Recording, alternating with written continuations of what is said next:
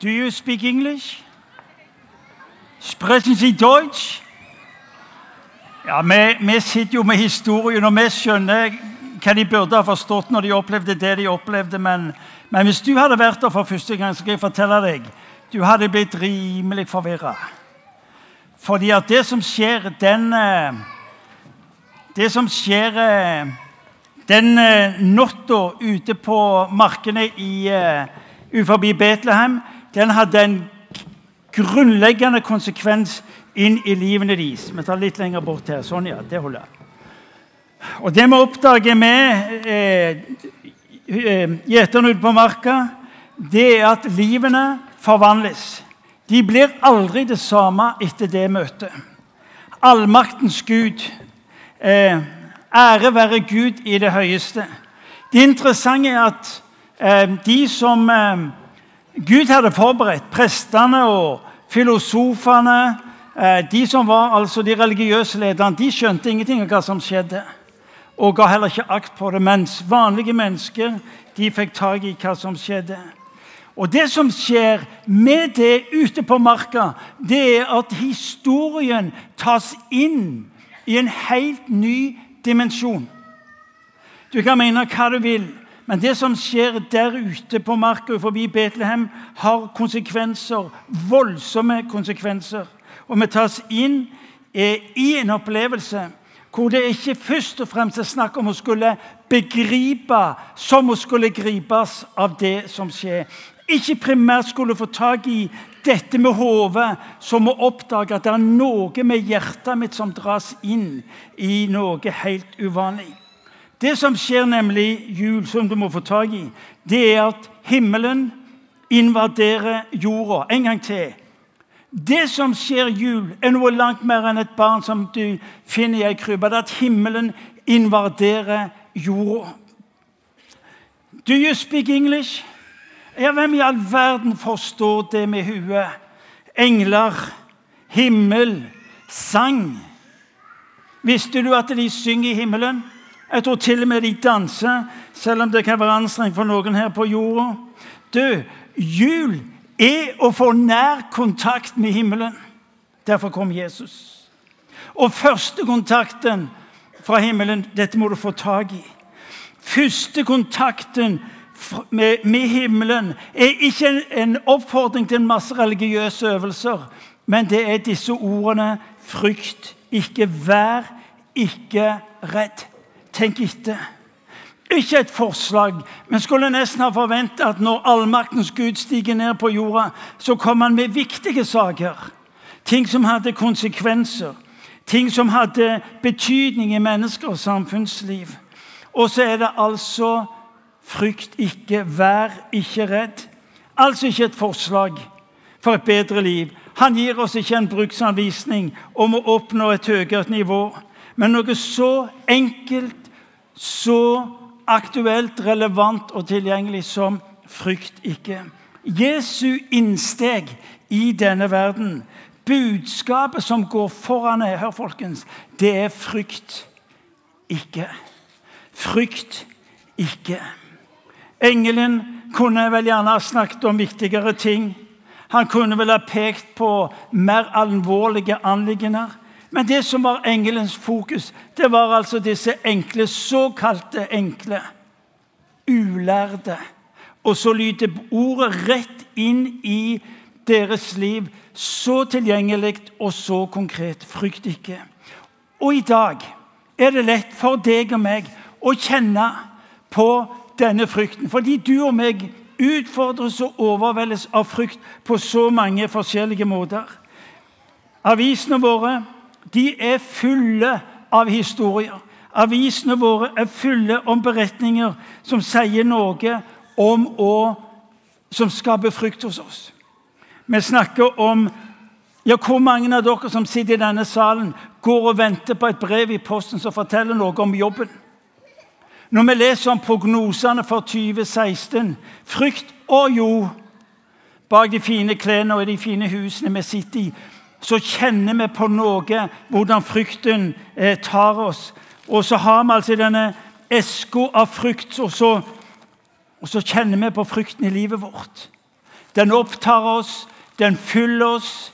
Legger deg om kvelden, og så kjenner du ryker jeg eller er jeg inne. Er det meg som er på vei ut, eller beholder jeg plassen min?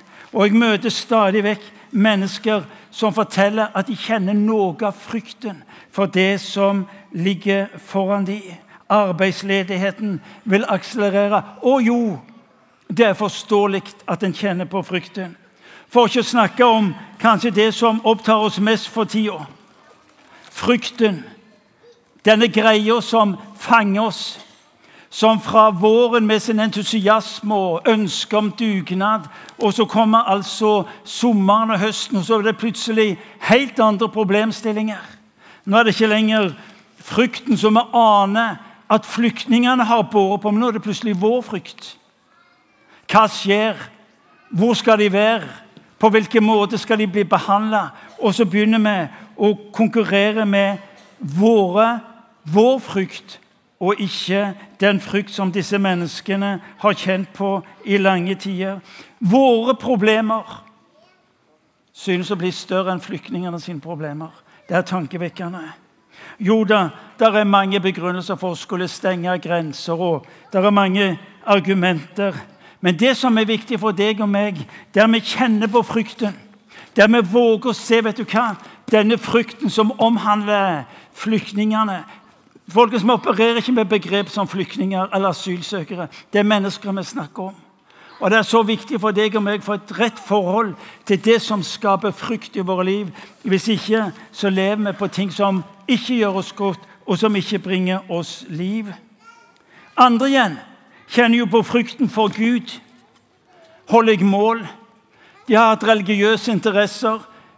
De deltar gjerne i kristelige sammenhenger. Så er spørsmålet holder jeg mål, og så, og så blir hele veien et spørsmålet går det an. Og så har de et bilde av en destruktiv Gud. En Gud hvis målet er ett et, et fokus. Det å ta folk. Det å gjøre dem oppmerksomme på at de ikke holder mål. Andre igjen kjenner på Å ja, de kjenner på nederlagene. De leser sin egen historie bedre enn noen andre. De kjenner til opplevelsen av synd. De kjenner til opplevelsen av nederlag. Og så er regnestykket slik at når jeg nå skal se framover, så tør jeg ikke helt se framover. Fordi jeg kjenner på frykten for å feile igjen. Jeg kjenner på frykten for nederlag igjen i mitt eget liv. Og som om ikke det er nok Og som ikke det er nok av alt som er oppi denne eska av frykt Hva vil svigermor si om middagen? Er pinnekjøttet salt nok? Er ribba sprø nok? Å ja. En skjev bemerkning fra svigermor skal jeg fortelle deg, den har store konsekvenser for den som har lagd middagen. Hør nå. Julen gir oss tillatelse til å kjenne på frykten. Engelen møter oss likevel med ordene 'frykt ikke'. Men det stopper ikke der. Du hørte engelen sa noe om en stor glede. Du hørte juleevangeliet bli lest. Jeg forkynner dere en stor glede. Det er også en annen del av juleevangeliet. På den ene sida du skal slippe å frykte, og på den andre sida er det en kilde til glede. Fordi og det er det som er poenget med julen. Gleden har tatt bolig mellom oss. oss. Ordet glede er ikke primært med tanke på følelser eller tilstand. Glede er relasjon. Glede er en frukt av relasjon. Glede er Jesus. Jesus' selvpresentasjon er nemlig kjærlighet, glede, fred. Når Jesus skal presentere seg selv inn i denne verden, så sier han jeg er gledens kilde. Når engelen taler om glede, så er det en glede som ikke er betinga av omstendighetene. Så ofte så blir det sagt du må ikke snakke om det, for det gjør det så vanskelig for oss. Og så blir altså eh, den gode opplevelsen av livet den blir fratatt fordi at omstendighetene var så vanskelige og krevende. Når gleden er knytta til en person og ikke til følelser eller omstendigheter, så er den stabil. Den glede som ikke trekker seg ut når livet blir krevende, eller som fordunsta fordi det var noe som skjedde i rommet. Gleden er en person. Glede er noe du mottar. Så i, i denne I denne boksen, i denne fruktboksen, er livet krevende. For når du og meg kjenner frykten, hva gjør vi da? Da blir vi tause. Vi blir ensomme. Vi mister håpet, vi blir oppgitte, og så, og så stenger vi igjen. Vi slipper ikke folk inn. For hva vil folk tenke, eller hva vil folk tro? Her har du gledesboksen som jeg vil du skal ta med deg hjem i, i minnet. Her får du lov til å hente alt det som Gud har for deg. Gledens kilde står det i Bibelen. Ja, men Det består ikke bare av elementer. Hele greia her er et bilde på den Kristus som du og meg får lov til å tro på og tilbe.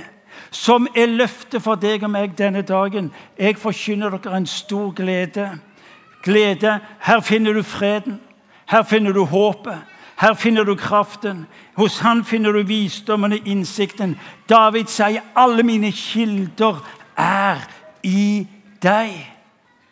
Det er to ord som lyder julenatt. Det er frykt ikke i hvem dere skal ha stor glede. Her er alt det gode å hente. Så er altså din og min utfordring hvordan kan vi få lov til å flytte det som er av frykt i våre liv, over den andre boksen, slik at det blir bytta. Hvordan er det vi får lov til å gjøre det? Flytte esker av frykt av de uforløste livene våre. Og så gir Bibelen oss det bildet som sjokkerer, som overrasker, men som er Guds svar. Han sier 'Jeg har bygd ei bro mellom det som er din virkelighet' Jeg har bygd en bro mellom det som er din situasjon, og det jeg hadde tenkt for deg og skapt for deg. Og så bygger han ei bro som gjør at du og meg får lov til å se at det er en farbar vei fra det som er det vanskelige og utfordrende livet, inn i det Gud har for oss, og som var skapt for oss, som var tenkt for. Så skal du og meg få lov til å bære det over. For på korset, når Bibelen taler om korps, så tales det om forsoning. Det tales om stedfortredelse. Det tales om en som har gått en vei du og meg ikke var i stand til å gå sjøl. Og så sier han på, denne, på dette grunnlaget er det at du skal få lov til å se det du frykter for, bli lagt ned i mitt liv, og du får glede tilbake. Og så får du og meg lov til å legge ned i. Du og meg får lov til å bekjenne altså, Herre, du er den som kjenner frykten i mitt liv. Du er den som vet hvem jeg, hvem jeg er. Og så får vi lov til å legge det ifra våre liv som vi kjenner skaper frykt, over oss. Han. Men hør nå. Det er altfor mange som bekjenner og legger det over, så, og så tar de det tilbake igjen. Hør nå, Det du har lagt i boksen av, av uh, glede, det du har lagt i boksen av det Gud har for deg, det han inviterer deg til, la det bli værende. Ikke vær slik at du blir inspirert et øyeblikk, og så, og så springer du videre, og så var du ferdig med det. Jeg starta for 47 år siden, da jeg møtte Jesus for første gang. Og jeg har aldri angra en dag på at jeg fikk lov til å benytte meg av broa og se at han er den som forløser et nytt liv. Tilbake til markene ut forbi Betlehem. De skjønte ikke mye av det som skjedde. Mange sier jeg forstår ikke, jeg må forstå før jeg kan tro langt ifra. I Guds rike er det slik at du må tro før du kan forstå.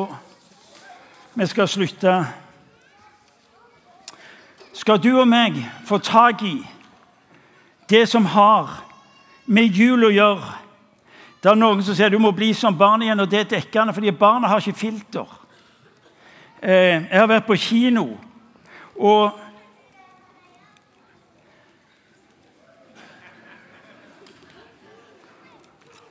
Tredimensjonelle briller. Det å la Guds ånd få lov til å tale inn i deg, hjelper deg til å se tingene annerledes. Det hjelper deg til å forstå ja, men den Gud som møter meg julaften, har ett mål. Det er å ta byrden av, slik at den kan få legge ned et sted hvor den blir værende. For han har sagt jeg har begynt på ditt liv, det skal jeg fullføre. Det er mange som sier jeg forstår ikke, Martin. Ja, men Se å få deg briller, da. Som mennesker er vi så endimensjonale og til tider todimensjonale i vår måte å forstå tingene på.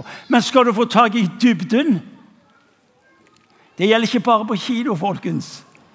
Det gjelder også i Guds rike når han ved sin ånd forteller hvem han er, og hvem han vil være i ditt liv. Skaff deg tredimensjonale briller, du får tak i bildet, og du vil se og du vil oppleve som Gud gjør. Hyrdene gikk, og de fant det som de ble fortalt. De forsto ikke hva som skjedde, men de brøt opp og gikk for å finne ut. Og livet ble aldri det samme etterpå. Helt til slutt. Vismennene kom med gaver, står der. Din gave til Jesus denne jula, vet du hva det er? Din gave til Jesus denne jula, det er å våge å ta det du frykter for, og legge det ned i det han har invitert deg til å legge det ned i. For han kom for nettopp å møte deg der du er, med det som er din utfordring på livet for at du skulle oppleve at han er en Gud som er for deg, som elsker deg så høyt at du skal få lov til å fullføre det du var skapt for,